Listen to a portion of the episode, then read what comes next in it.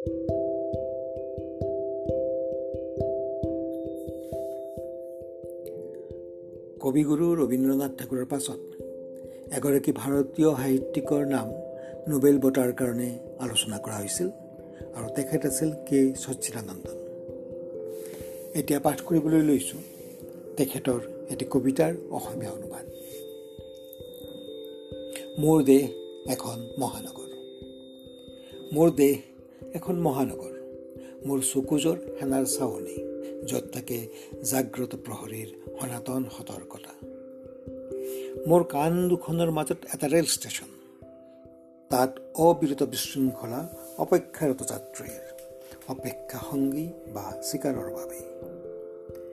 আৰু শুই পৰে ভাগৰুৱা সেই মানুহবোৰ যিসকলে সদায় ধৰিব নোৱাৰে নিজৰ ট্ৰেইন।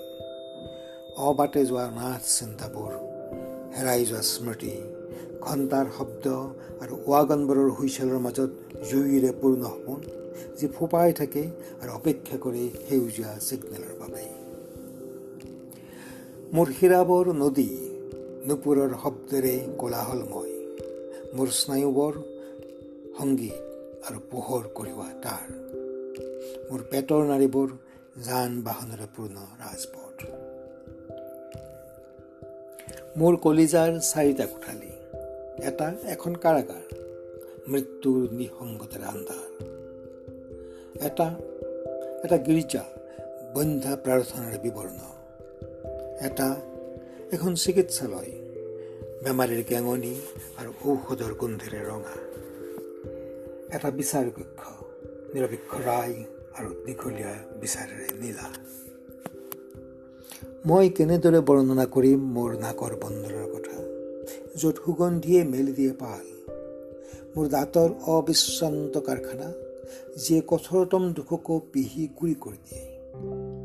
মোৰ জিভাৰ বজাৰখন গোন্ধ আৰু হুলস্থুলৰে পূৰ্ণ। মোৰ ছালৰ পৰ্যবেক্ষণাগাৰে লিপিবদ্ধ কৰি যায় ঋতুৰ প্ৰতিটো পৰিৱৰ্তন তাৰ সাংকেতিক ভাষাত। মোৰ চুলিৰ বাগিচা য'ত সূৰ্য কাহানিও নুঠে। মোৰ ভৰিৰ স্তম্ভ স্থিৰ হৈ যোৱা নৃত্যৰ দৰে পূৰ্ণ মোৰ হাতৰ অফিচটো কেৰাণী আৰু ফাইলেৰে জৰাকীৰ্ণ মোৰ গ্ৰন্থিবোৰৰ নিদ্ৰাহীন কাৰখানা আৰু মোৰ গাঁঠিবোৰৰ ব্যস্ত জংচন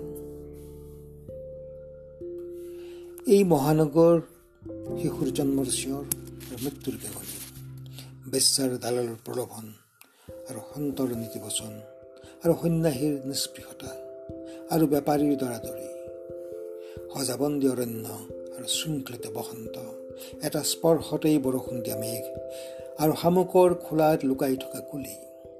বিদায়ৰ আঘাত আৰু আগমনৰ আশ্চৰ্য আৰু চুম্বনৰ অতিথিশালা আৰু আৱেগৰ চিৰিয়াখানা মনত ৰাখিবা তুমি যেতিয়া এই দেহাটো জ্বলাই দিয়া তুমি এখন মহানগৰীকো জ্বলাই দিয়া। মনত ৰাখিবা তুমি যেতিয়া এই দেহাটো কবৰ দিয়া তুমি এজন মানুহকো কবৰ দিয়া। এই কবিতাটি লোৱা হৈছে হেৰাই যোৱা বস্তুবোৰ আৰু অন্যান্য কবিতা গ্ৰন্থৰ পৰা। গ্ৰন্থখনি প্ৰকাশ কৰিছে সাহিত্য প্ৰকাশে